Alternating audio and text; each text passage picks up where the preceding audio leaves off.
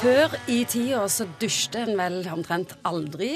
Og for et par generasjoner siden så var det bare til jul. Og Ja. besteforeldrene våre de eh, dusjer vel én gang i uka, tenker jeg. Og tenåringer nå de dusjer vel én til to til tre ganger til dagen. Mhm. Når er vi rene nok?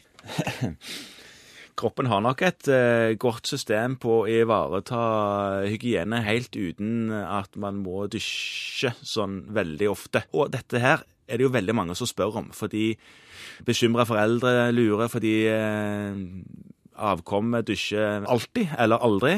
Eh, Dyrt er det òg. Dyrt er det antagelig òg, eh, hvis du står i varmtvannet hele veien. Sånn at Det er ikke noe standardsvar. fordi at Hvor ofte man bør dusje, kommer helt an på aktivitetsnivå og hvem du er, hva du gjør. Å dusje en gang til dagen i kort tid i ikke for varmt vann Kort tid er sånn tre til fem minutter.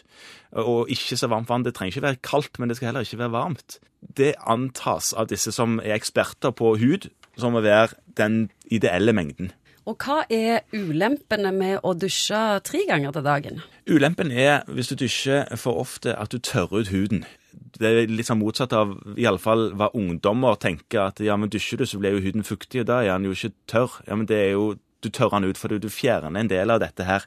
Spesielt hvis du bruker mye såpe og sånne ting, så fjerner du en del av det naturlige fettlaget som du har i huden. Du vasker det vekk. Bakterier òg? Der er det faktisk litt forskjellige skoler.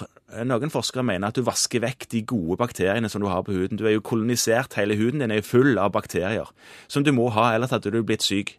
Og en del forskere mener at du, hvis du dusjer for ofte og bruker for mye såpe, så vasker du vekk dette bakterielaget som du trenger. Mens andre sier at nei, den, den, den floraen av bakterier den vasker du ikke bort nesten uansett hvor mye du er i dusjen. Men det er nok et viss, det er en viss sannhet i at du fjerner Du forrykker iallfall balansen litt. Grann. Håndvask.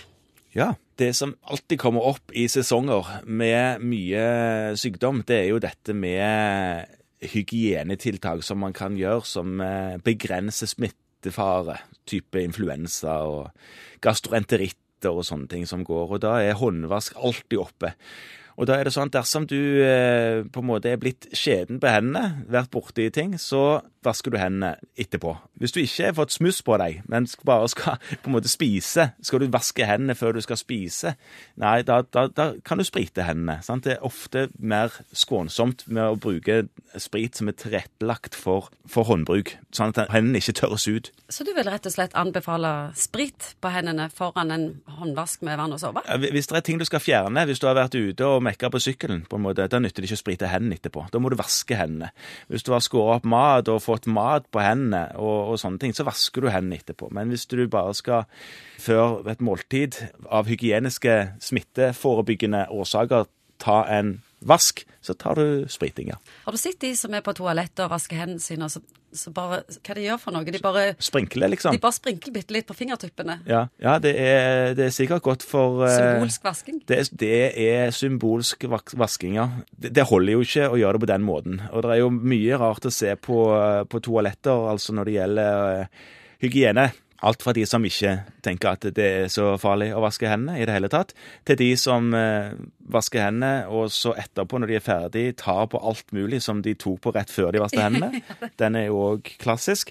Eh, og så de som er opp mot eh, tvangsprega i atferden sin i etterkant. Hvis jeg tvinger deg mellom å velge mellom altfor reine eller altfor skjeden Mhm. Alt for reine eller alt for skjeden. Jeg tror jeg vil ha alt for skjeden, du. Fordi jeg tror, eh, jeg tror at vi mennesker takler evolusjonistisk sett urenslighet bedre enn overdreven renslighet. Vanlig renslighet er antagelig den gylne middelvei, men en overdreven renslighet er jo, er jo ikke bra for verken eh, hudflora eller for eh, astma og allergiutvikling eller noen ting.